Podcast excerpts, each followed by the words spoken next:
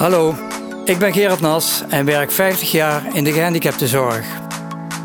Ik was enthousiast en soms moedeloos, maar altijd betrokken. In deze podcast praat ik met mensen uit de praktijk, ervaringsdeskundigen, verwanten en begeleiding.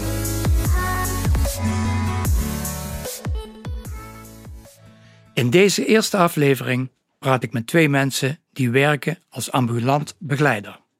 Lin Koster en Umer Koban. Het belangrijkste thema: de dagelijkse praktijk achter alle mooie visies. Lin, stel je even voor.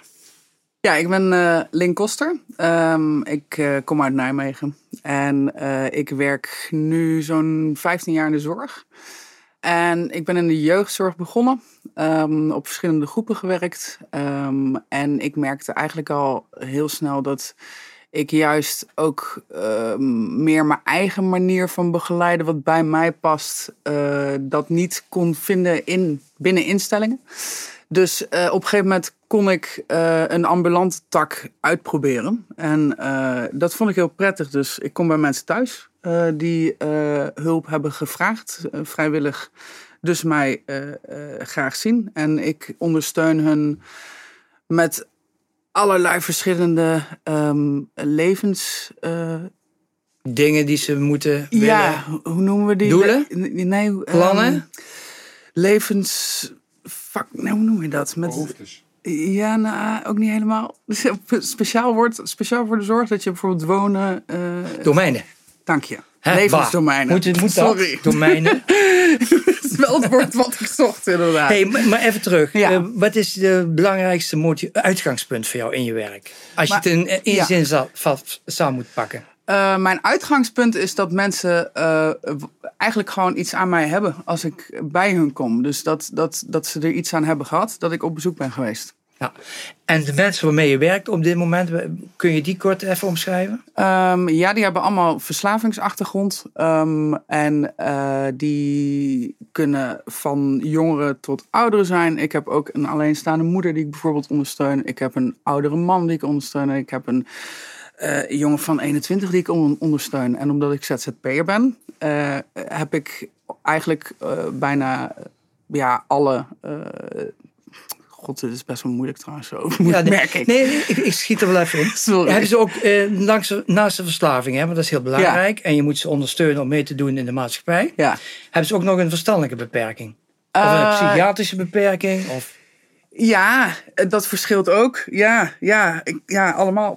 Ja. het is allemaal verschillend. Ja, ik, ik begeleid echt alles. Ja. ja. Daar komen we straks ook even op terug. Hè? Ja. je zei al eerder, één, één visie voor al die mensen. Eigenlijk kan dat niet. Nee. Misschien komen we daar straks nog even op terug. Ja. Uh, Ummer, tweede gast aan tafel. Kun jij je even voorstellen? Uh, ja, ik ben Ummer. 31 jaar. Ik zit nu ongeveer vier jaar in de zorg. Vanuit de defensieachtergrond ben ik eigenlijk erin gerold.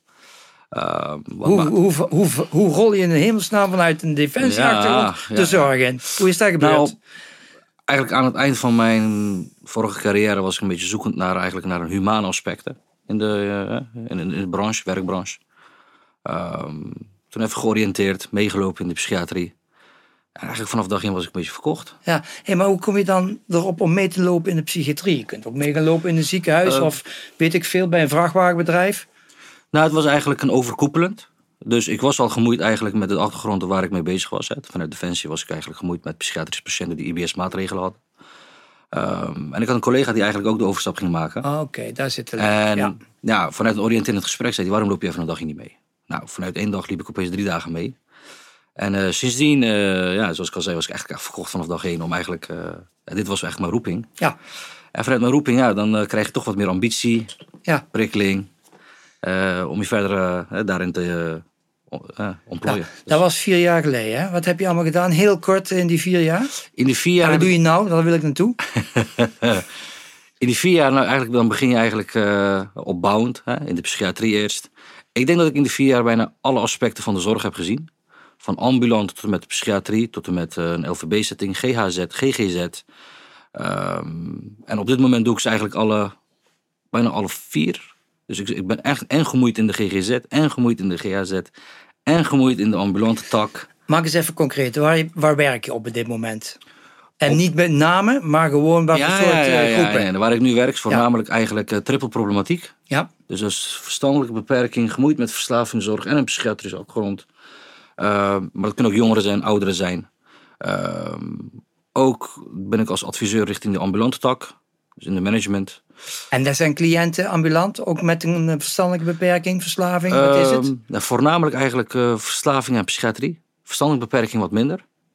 Uh, omdat de regio Randstad daarin wat meer uh, aan het scheiden is. Dus verstandelijke beperking komt toch wat meer richting instellingen, et cetera. Heel even zijstraat. Wat ja. zijn ze aan het scheiden?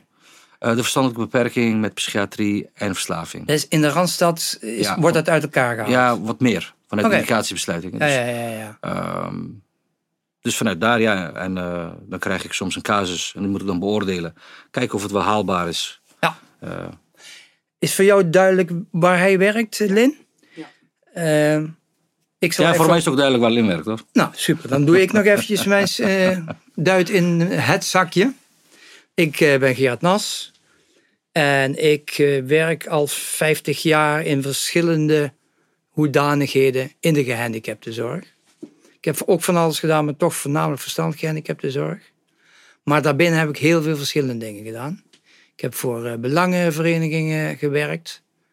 Ik heb uh, voor ouderverenigingen gewerkt. Ik heb een opleiding gehad voor mensen met verstandelijke beperking op weg naar werk. Ik heb een website uh, gebouwd om moeilijke dingen makkelijk uit te leggen. Ik heb kwaliteitsonderzoek gedaan. Nou ja, ik heb, je kunt het niet bedenken of ik heb het gedaan. Op dit moment werk ik ook weer als begeleider. En ik werk dus ook met de triple C, mensen met een verstandelijke beperking. Dat betekent dus uh, dat naast de cognitieve beperking er ook altijd sprake is van of psychiatrische problemen of verslavingsproblemen. En op het moment werk ik in een setting waar we 18 van die jongens wonen. En die wonen daar vrijwillig, zonder machtiging. Dus in een open setting. Maar ze hebben wel een stevige problematiek. Ik denk voor je, je zei volgens mij triple C, hè? Ja? Nee, triple C, zei ik dat? Ja. Nee, dat is de methode. Dat is verkeerd. Ja. Ik bedoel, wat jij net zei. Triple problematiek. Triple problematiek. Ja. ja. Triple C is een methode. Daar wordt ook... Uh... Die ken je wel, Lin? Uh, nee, en ik ken ook de triple problematiek niet. Ik ken multiproblematiek. Maar ik heb het nooit onder het triple op die manier. Um, ja. Maar de triple methode... Ja, ze nee. hebben verschillende benamingen hoor. Vaak noemen ze het ook LVB+. Mm -hmm. uh, ik denk dat wij het misschien ook zelf een beetje in, in het wereldje hebben geholpen, de triple problematiek. Omdat het dan wat makkelijker klinkt, en dan kun je het makkelijker uitleggen. Mm -hmm. uh, maar het is tegenwoordig steeds meer op de voorgrond. Ze zijn sneller eigenlijk gemoeid om alles maar op te bestempelen. Uh, om zo ook uh, wat gespecialiseerde begeleiding toe, te kunnen passen vanuit mm. meer zorg, et cetera. Uh, dat zie ik wel steeds de laatste jaren steeds meer eigenlijk, uh, of, of, of, steeds meer worden. Ja. ja. En juist ook met uh, multiproblematiek, dat um, mensen het niet aandurven door misschien ook de, de groepering, om het maar zo te zeggen. Nou, wat je nu eigenlijk krijgt is dus dat multiproblematiek is wel leuk en aardig hè, vanuit meerzorg, maar dan heb je eigenlijk de juiste mensen niet ervoor. Ja. Ik zal gewoon even gewoon een klein voorbeeld geven. Cliënt A heeft NAH, verslaving en is verstandelijk beperkt. Ja. Wat moet je dan eigenlijk aanpakken? Ja, dat, is, en dat, dat zijn dilemma's. Ja, precies. Uh, maar dan moet je net ook de juiste begeleiders bij hebben. Want dan wordt iemand aangenomen op LVB, maar die weet niet hoe die met NAH om moet omgaan. Maar ga maar eens iemand vinden die alle drie kan beheersen. Nou, die ga je niet zomaar ook ergens solliciteren, want dat zijn echt toppers. Dat is gewoon echt crème de la crème, zeg ik. In, in, in de zorgbranche. Uh, maar daar lopen we nu wel enorm tegenaan. Ja, dat is te duur. En niet te vinden. Even, even over duur. Want net kwam ook indicatie al langs. Jij zei van het wordt ook allemaal uit elkaar gehaald. Het zit ook steeds meer in elkaar. Dat men ook groepen aan het maken is. Waar ze, hoe heet het, speciaal uh, zorg op willen zetten. Of speciale aanpak op willen zetten. Of wat is in het algemeen uh, ja, normaal aan het worden. Ik bedoel, vroeger hadden wij ook van alles door elkaar. Hè? Wat algemeen normaal worden is ja? op en nat houden. Dat is eigenlijk algemeen ja, normaal. Zeker. Okay. Ja. ja. 100% mee eens. nou, laten we daar maar eens even over nagaan. Ja, want er zijn natuurlijk ontzettende mooie missies en visies. Ja, nee, ik denk dat het verschilt, verschilt. Ik moet wel eerlijk zeggen erbij hoor. Kijk, als, uh, als je vast, als vast in loondienst bent, dan, dan zie je eigenlijk altijd één aspect. Ik moet wel eerlijk zeggen dat het van instelling tot instelling wel verschilt. Ja, maar je hebt er dus vier, je kan het vergelijken, dat bedoel je. Precies, precies. Ja. Ik zie wel dat de ene instelling veel meer gebaat is eigenlijk bij de bezetting. De andere instelling is veel meer gebaat bij, bij de achtergrond van de cliënten. Het verschilt net ook wat voor methodiek er wordt gebruikt. Ja. Maar jullie zeggen allebei, in het algemeen is het heel veel pappen en nat houden. Ja. Ehm, Ja. Zorgzwaarte, arbeidskrapte. Als je die gaat combineren, dan moet je papa nat houden. Ik denk dat niemand daar... Ja, niemand. Mensen kunnen er wel wat aan doen. Maar dat is heel breed. Het kan je niet zomaar, zomaar in één dag oplossen, dat- die problematiek. Ja. Ja, Eh, wat, wat je ook net zei over die ehm, eh, drie eh, specia- specialismen, dus het niet aangeboren hersenletsel, eh, de verstandelijke beperking en de verslaving, Ehm, dan eh, kan je die wel vinden, maar dan heb je drie mensen nodig die allebei hun kwaliteiten daarin kunnen vinden. En tegenwoordig sta je nog maar in je eentje vaak. Ehm, waardoor het inderdaad pap en nat is, houden is. En er eigenlijk helemaal niet überhaupt na- aan een doel of iets gewerkt kan worden of uitgeprobeerd kan worden. Ik vind het wel mooi dat je dat zegt. Want dat zou eigenlijk de klassieke begeleider wel doen. Maar ik denk dat we echt... We kunnen eigenlijk een revolutie eigenlijk wel doorvoeren. Kijk, mijn, mijn mindset is... Dan gaan we eigenlijk casuïstiek te werk. Kijken wat op de voorgrond staat. En, Casuïstiek, dat is, even toelichten. nou, dan ga ik het even toelichten. Dan, eh, cliënt A neem je dan als voorbeeld. En dan ga je met het team. Kijk, een team kan veel betekenen als je ze als eenheid samenbrengt. Iedereen heeft zo zijn kwaliteiten en dan ga je brainstormen. Wat ligt, wat ligt nou op de, op de voorgrond, zodat we andere twee kunnen kaderen? En zo ga je dan te werk. Ja. Al- Alleen is wel maatwerk. Ja, dit wordt, gaat al heel snel de diepte in. Je bent mij al bijna aan het kwijtraken. Ik ga nog eventjes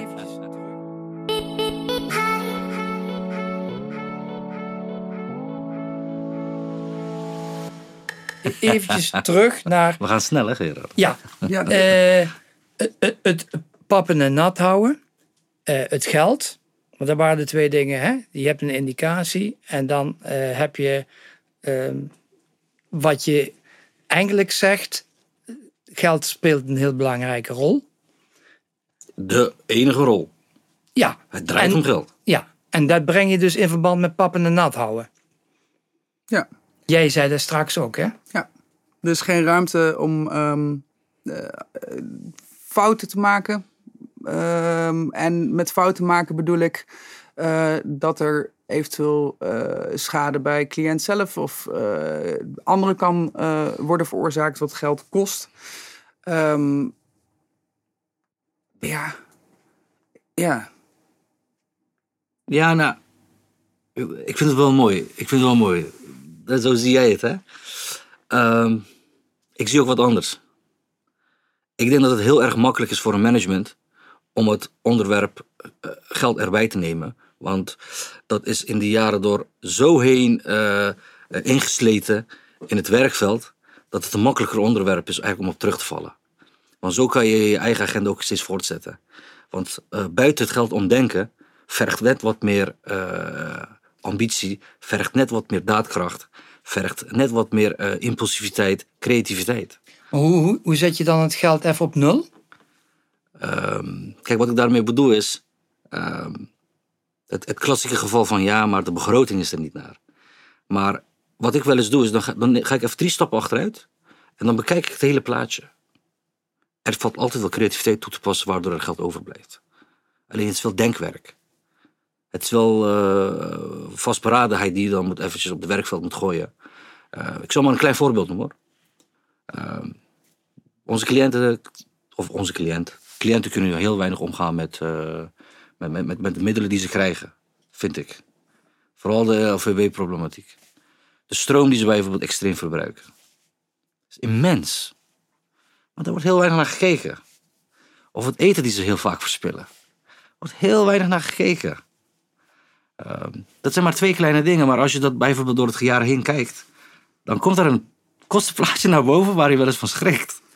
Klopt. Ik vind het wel fijn om te horen dat iemand die vers, om het maar even zo te zeggen, in de zorg zit er zo over kan denken. Maar vier jaar. Ja, want mensen die 15 jaar of zelfs veel langer in de zorg al werken, doen dit al jaren. Elke keer kijken waar kan ik minder geld nog eh, in bezuinigen. Waar kan het niet ten koste van de cliënt nog minder kosten om wel de juiste ondersteuning te geven. Is dat zo? Eh, ja, zo voelt dat wel. Ik, ik, Ehm, ik, ik loop in voorzieningen rond, inderdaad, waar de kachel altijd staat eh, te branden, waar de lichten altijd aanstaat en waar geen, helemaal geen bewustzijn is dat er ook minder komt. Ja, er zit misschien een groot verschil ook weer tussen mijn tak in de zorg en een instelling. eh, het tak in de zorg. Want bij een instelling krijg ik per bed betaald. Ja, En bij mij krijg ik, krijg ik per uur betaald, bij wijze van spreken. ja. Dus daar zit ook een groot verschil. Nee, maar als jij, jouw cliënten die wonen ook in de wijk. Mhm, Ja? Die hebben allemaal een eigen energierekening. mhm. Ben jij met hun bezig? Zet de kachel eens wat lager? Ik bedoel, we hebben nou eh, die hele Ja. gas... eh, ja? Ja. Oké. Ja, Ja. d- dat is wat er daar speelt. Dat zijn eh, financiële dingen, eh, wat dagelijks nu al helemaal een groot onderwerp is in veel eh, situaties. Ja. Jij zegt dit is een uitzondering. Ik zeg dat ook. Ik zie het in grote voorzieningen weinig bewustzijn op. Nou, de reden, de reden waarom is, kijk, soms voelt een, een teamleider of een manager of een directielid misschien zich alleen, maar je hebt ook een team. Je kan best dat soort dingen ook sparren met het team. We zijn zo eigenlijk, eigenlijk op onze eigen eilandjes dat we soms wel eens vergeten om mensen erbij te betrekken. Ja. Wij hebben in een, in een team zijn er soms echt eh, financiële meesterbreinen, zeg ik altijd hoor. Alleen wakkeren ze soms wel eens aan. Dan ga je dus terug van. Wacht even. Nou, dit is even iets anders. Om het aan te pakken. Ja, hè, ik parkeer om- heel om- om- heel om even het feit brengen. dat ik op kamers binnenloop waar de raam open staat en de, Ja. de verwarming vol aan. Ja, Dan denk, en daar kijkt dan niemand naar. Eh, wat je nu zegt, van je zit in een team en daar zitten kwaliteiten die je niet gebruikt. Dat breng ik weer in verband met dat je een baas hebt die wel voor jou denkt. En de, de begeleider niet wordt geprikkeld om te denken. Buurtzorg bijvoorbeeld, hè? dat is een nieuw, hè? zelfstuur in de teams. Zou dat voor jou dan eh, een, een deel van de oplossing zijn voor de toekomst? Weet je wat het maar is? wordt volgens mij ook steeds meer naar buurtzorg. Hè? Dit is, ik, ik heb misschien net mijn introductie ook niet goed gedaan, want ik werk voor een platte organisatie. Dat betekent dat wij allemaal gelijk zijn met de ZZP'ers waar we mee werken. En als wij een cliënt binnenkrijgen, wordt er met iedereen besproken wie zijn kwaliteit dat is en wie daar het beste kan werken.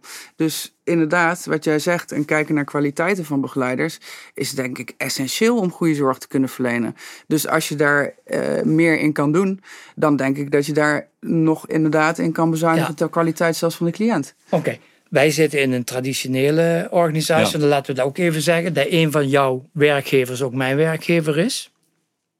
Mij wordt nooit gevraagd of ik na wil denken over het eten of ehm, over ehm, eh, de energie, toch? Dat is toch niet een kwaliteit die bij mij wordt aangesproken. Nee, nee, nee, je hoeft er niet voor aangesproken maar je mag het ook wel best wel even benoemen. Kijk, ehm, waar wat is eigenlijk onze visie? Hè? Onze visie is eigenlijk zo'n zo'n goed mogelijk kwal- kwaliteit kunnen leveren voor onze cliënt. Maar hoe mooi zou dat zijn als we dat kunnen door mi- middel van middelen inzetten wat de cliënt niet eens voelt? Dat, dat, dat is prachtig als je dat met z'n allen kan neerzetten. Ja, En als de cliënt daarop kan verdijveren op den duur, op de lange termijn. ja. Hoe mooi jou- zou dat zijn? Hoe mooi zou dat zijn? Lukt jou dat? Als ik de kans ervoor zou krijgen, absoluut. Nee, maar de- het- in de praktijk gebeurt het dus niet.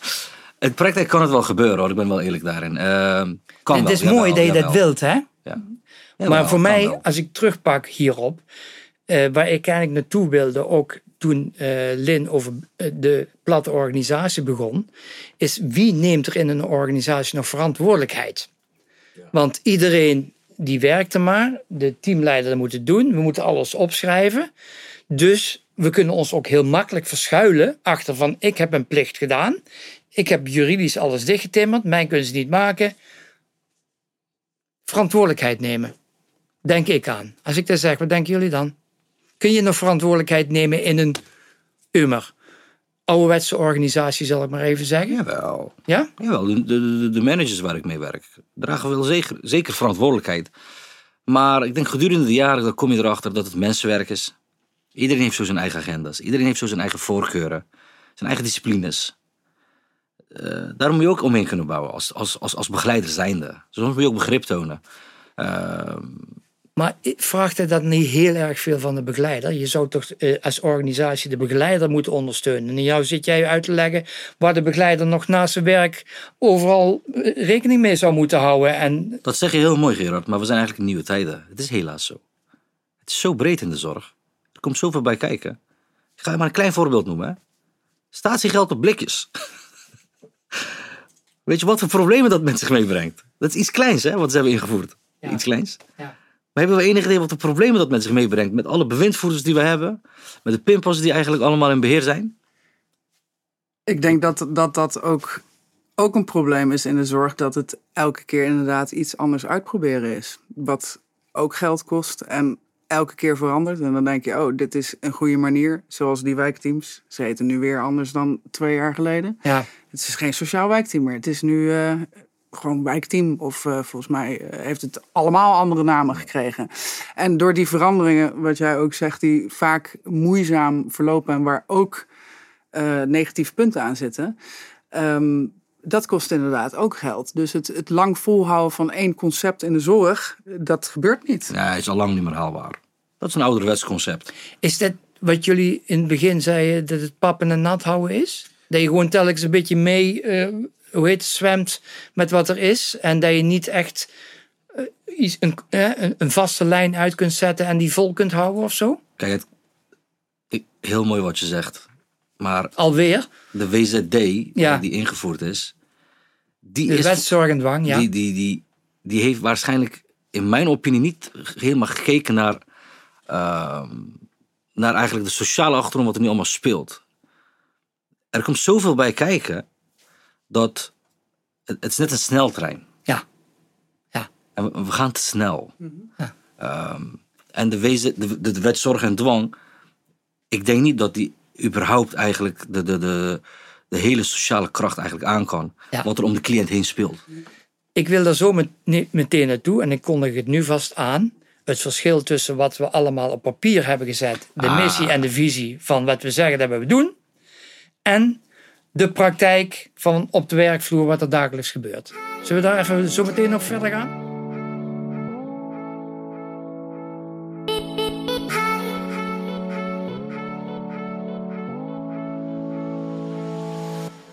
Ja, ik wil nog ook wel even erop verder gaan met het eh, papa en nat houden. Want in de wijk is dat ook heel erg zichtbaar. Omdat we ook steeds meer wachtlijsten hebben bijvoorbeeld. Ja. Eh, mensen die zorg willen, maar die het niet krijgen.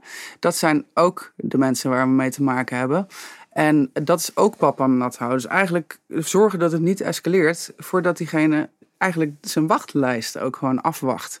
Eh, dus op die manier is het ook papa en nat houden. Omdat de juiste zorg dus niet op tijd eh, en voldoende wordt geleverd. Eh, en ze willen juist steeds meer mensen zelfstandig laten zijn. Door inderdaad eh, mensen die op groepen eerst woonden zelfstandig te laten wonen. Dat is wel een mooie waar ze nu op terug van Maar, komen. Dus het is eigenlijk wat ze willen is dat het gewoon niet escaleert. En die voel ik elke dag. Als het maar niet escaleert. Als die cliënt maar niet Ja, voor zichzelf of anderen in gevaar is. Ja. Maar bij mij komt het juist anders over. Maar dat is denk ik weer het instellingswezen. Hè? Daar moet het eerst escaleren. Alvorens je hulp krijgt. Interessant. Ik merk met name dat ehm, gedrag binnenshuis heel anders is dan wat, wanneer mensen buitenshuis kunnen en gaan. En dat we toch allemaal de instelling en de ambitie hebben om mensen de maatschappij te krijgen. Dat is één. En dat we dus, daar komen we dan misschien in het tweede deel van dit rondje op, ook allerlei dingen hebben georganiseerd. Bijvoorbeeld de wet zorg en dwang. Die eigenlijk een soort van kader zijn waarmee we met mensen willen omgaan. Dus even over het verschil tussen theorie en praktijk. Even het eerste. Ehm, als je een aantal mensen bij elkaar hebt, dan vind ik dat er normaal. Ik, laat ik het even omdraaien. Ik ga met mensen ehm, de stad in of het dorp in. En ik verbaas me erover welke fijne, keurige, lieve mensen dat zijn. In vergelijking vaak met gedrag dat ik binnen de voorziening zie. Nou, er zijn ideeën over hoe dat komt. Ja. En dat wil je weten. Dat wil ik weten. Daar wil ik het eens over hebben. Ja. Ik ga één vraag stellen. Ja. Je bent getrouwd, Gerard? Ja. Ah, Oké. Maak jij ruzie eh, als je op bezoek bent met je vrouw? Buiten de deur. Ja. Nee, eigenlijk niet. Dat Waar doe ik doe je dat? binnenshuis. Ah. Ja. Hoe komt dat? Omdat ik binnenshuis eh, veilig eh, mijn eigen voel en mijn privacy heb. En daar heb ik meer ruimte om mezelf te zijn om gekke dingen te doen dan buiten. Ja, en daar heb je je antwoord. Ik denk dat deze mensen die je meeneemt ook heel goed weten wat jij van hun verwacht om dat nog een keer ook eventueel te kunnen doen. Dus het uh, tijdelijk aanpassen van gedrag om iets voor elkaar te krijgen. Dat, ja, dat is uh, denk ik ook wel uh, wat voor veel cliënten een, een, een, iets is wat ze gebruiken en inzetten. Ja, dus dan is het een carousel van aandacht. Ja. Gecombineerd met. Ja, ja, ja. ja. Met nog wat, wat dan nog meer? Nou, kijk, wij noemen het een instelling, zij noemen het huis. Ja. Dus in feite mag hij eigenlijk ook zijn, zijn zelf zijn thuis. Ik let ook wel eens op mijn woorden als ik op bezoek ben, et cetera. Thuis ben je gewoon anders. Thuis loop je gewoon in je ondergoed rond. Dat doe je ook buiten ook niet. Mhm. Uh, voor hun geldt dat hetzelfde. En vergeet niet dat ze net even wat beperkter zijn dan, dan dat wij dat zijn. Um, dus mijn inziens is het eigenlijk gewoon normaal dat ze dat gedrag gewoon in de instelling laten zien. En buiten zijn ze doen ze dat gewoon niet. Ik vind dat eigenlijk juist prachtig om te zien. Dus dat betekent dus dat ze wel degelijk ergens een geweten hebben wat ze wel of niet kunnen. Ja. En een instelling heeft net een gedoogbeleid, want daar mag je jezelf zijn. Hè? Dat is de algehele regel. Wel binnen bepaalde kaders en grenzen. Uh, dus ik vind het eigenlijk niet, niets anders dan normaal. Uh, ja, dat maar, gedrag. Maar als, ja, goed, dat is mooi. En maar als dan heel veel instellingen of begeleiding, want daar hebben we het nu over, denken, daardoor denken dat mensen dingen niet kunnen. Want ik ben dus bezig om mensen buiten aan het werk uh, te helpen. En ik kan dus mensen heel goed uitleggen: luister, dit gedrag van binnen, dat kun je bij ons wel doen. Maar nou ben je aan het werk buiten. En dan kan je dit gedrag niet uh, laten zien, want dan vlieg je eruit. Ja. Ze snappen dat. Dat begrijp ik, dat begrijp ik. Maar hoe lang ben je daarmee bezig? Uh, dat valt eigenlijk best mee. Nee, maar je neemt die vijf jongens mee, mee naar de stad. Ja. Hoeveel ja, uur? dat is even een paar uur. Ja, Maar ik heb het nu over iemand die ik, uh, uh, even kijken, nu al een week of zes, zeven uh, buiten aan het werk heb. Ja, maar waar het meer om gaat is, dat, dat vergt net even wat meer dan wat de instelling verwacht van je. Dat is maatwerk. is meer ook één op één soms. Mm -hmm. Groepsbegeleiding is altijd voor de hand liggend. Is denk ik ook het klassieke protocol wat ik zo weet uit instellingswezen. Uh, dus het valt niet binnen de kaders van verwachting. Dat is de extra's die je daarin zet. Het is niet zo dat ze eigenlijk uh, bang zijn dat hij dan in de samenleving wat gaat doen, of dat ze bang zijn dat hij bepaald gedrag gaat laten zien. Dat is zeker niet het geval. Wat het geval is alleen, dat is gewoon niet haalbaar met de setting die je hebt. Ja, want jij zegt ook, um, ze kunnen dan zichzelf zijn. Um, heb je het idee dat mensen die in een instelling wonen echt zichzelf kunnen zijn? Om het maar even zo te vragen. Ik denk in de mate van acceptabel gedrag wel. Kijk, het blijven cliënten. De ene is sadistisch. De andere, ja, ik, ik noem maar iets op, hè. Dus dat, dat is de acceptatie die je als begeleider zijnde al sowieso moet hebben. Maar zoals ik al zei, daarom zei ik ook, het moet wel binnen bepaalde grenzen, kaders vallen. Um, ten omwille van de veiligheid van jou en, en van de cliënt zelf. Hij moet niet helemaal zichzelf zijn. Dat is ook niet de uitgangspunt. Daar zijn wij weer voor, hè, om die, uh, die, die, begrenzende kaders te bieden. Uh, zo ook om veiligheid te creëren voor hemzelf. Ja, wat, wat ik nou uh, mezelf afvraag, en dan kijk ik naar jou, Lin. Als je dat zo hoort, wat is dan het voor- en het nadeel van het alleen wonen? Hè? Want jij begeleidt mensen die ambulant zijn en die alleen zijn. Jij begeleidt mensen die vaak met anderen in een setting wonen. Wat zijn daar de voor- en de nadelen ja, het is makkelijker, man. Ik denk dat Lin veel meer een uitdaging heeft, man. Want ik die... denk dat um, de veiligheid van een instelling voor veel cliënten heel belangrijk is. Um, het juist het uitproberen en buiten die kaders op de groep uh, dat gedrag te vertonen, dat zegt voor mij dat ze zich veilig voelen. Um, daar is veiligheid blijkbaar voor om uit te proberen wat wel en niet wordt geaccepteerd. Uh, mensen die alleen wonen, wat ik vaak ervaar, die zijn onzeker over uh, wat ze wel en niet uh, kunnen doen of mogen zeggen of ze goed genoeg zijn. Dus daar is veel meer bevestiging bij nodig. Um, dat ze dingen dus gewoon prima doen. Dus die veiligheid, juist die instellingen bieden, dus dat gekaderde. Dat is thuis dus niet. Dat moet je zelf doen. En veel mensen die thuis wonen, die ik ondersteun, die hebben daar geen zelfvertrouwen in. Dus die zijn eigenlijk een beetje aan het zwemmen hoe zij zelfstandig en alleen kunnen wonen. Maar denk jij dan dat het voor je eigen zelfontwikkeling, uh, sterker worden, beter worden, goed is om in een groep te wonen omdat je daar je eigen dingen meer kunt uitproberen? Of, of, of... Ik, denk- ik denk mensen die het goed doen in een instelling, dat die naar de verwachtingen van de begeleiders voldoen. Maar misschien niet wat ze zelf van hunzelf verwachten en hoe ze zelf zijn. Ik denk als je zelfstandig woont en een echte eigen plek hebt, dat je veel meer bij je eigen gevoel kan zijn in plaats van de verwachtingen van anderen. Mits je daar echt een aanmerking voor komt. Hè? Dat wil ik wel even zeggen. Ja. Want ik denk dat er wel gevallen zijn die eigenlijk totaal niet thuis moeten wonen. Of eigen Ja. stekje moeten hebben. Ze moeten het kunnen, Maar absoluut. dan glippen ze net eventjes door die indicatiebeslissingen.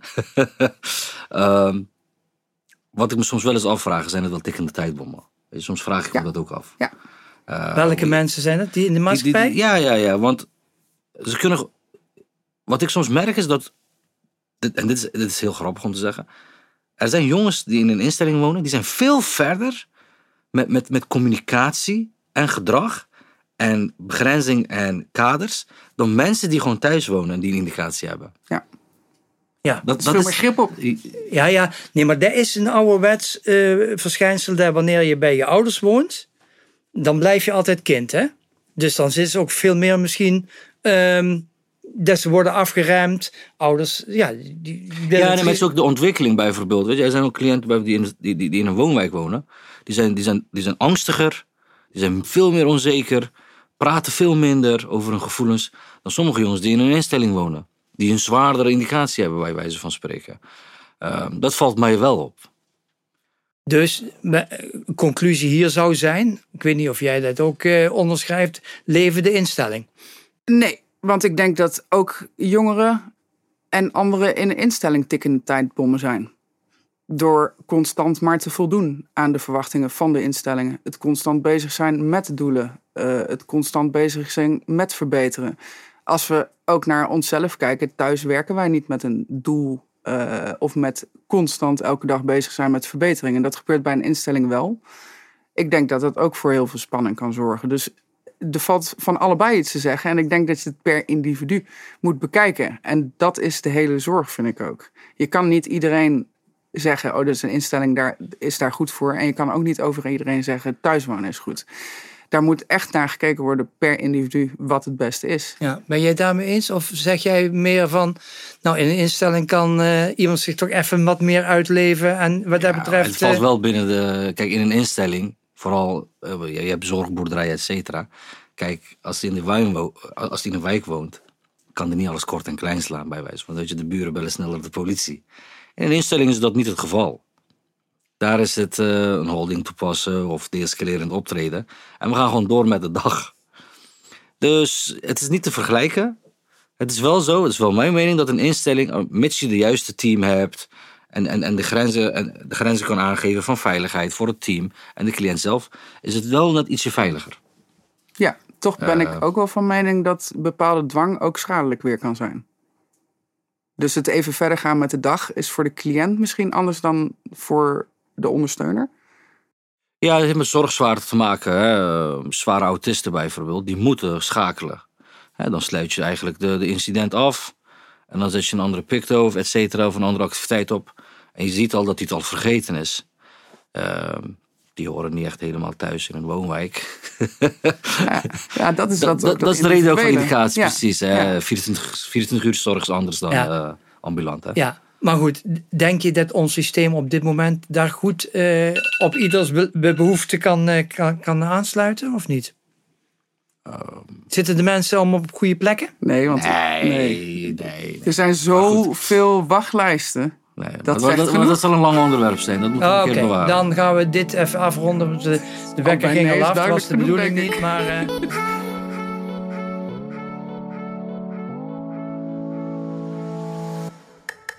Tot zover deze aflevering van Achter de Beperking. Reacties zijn meer dan welkom, evenals onderwerpen en ideeën.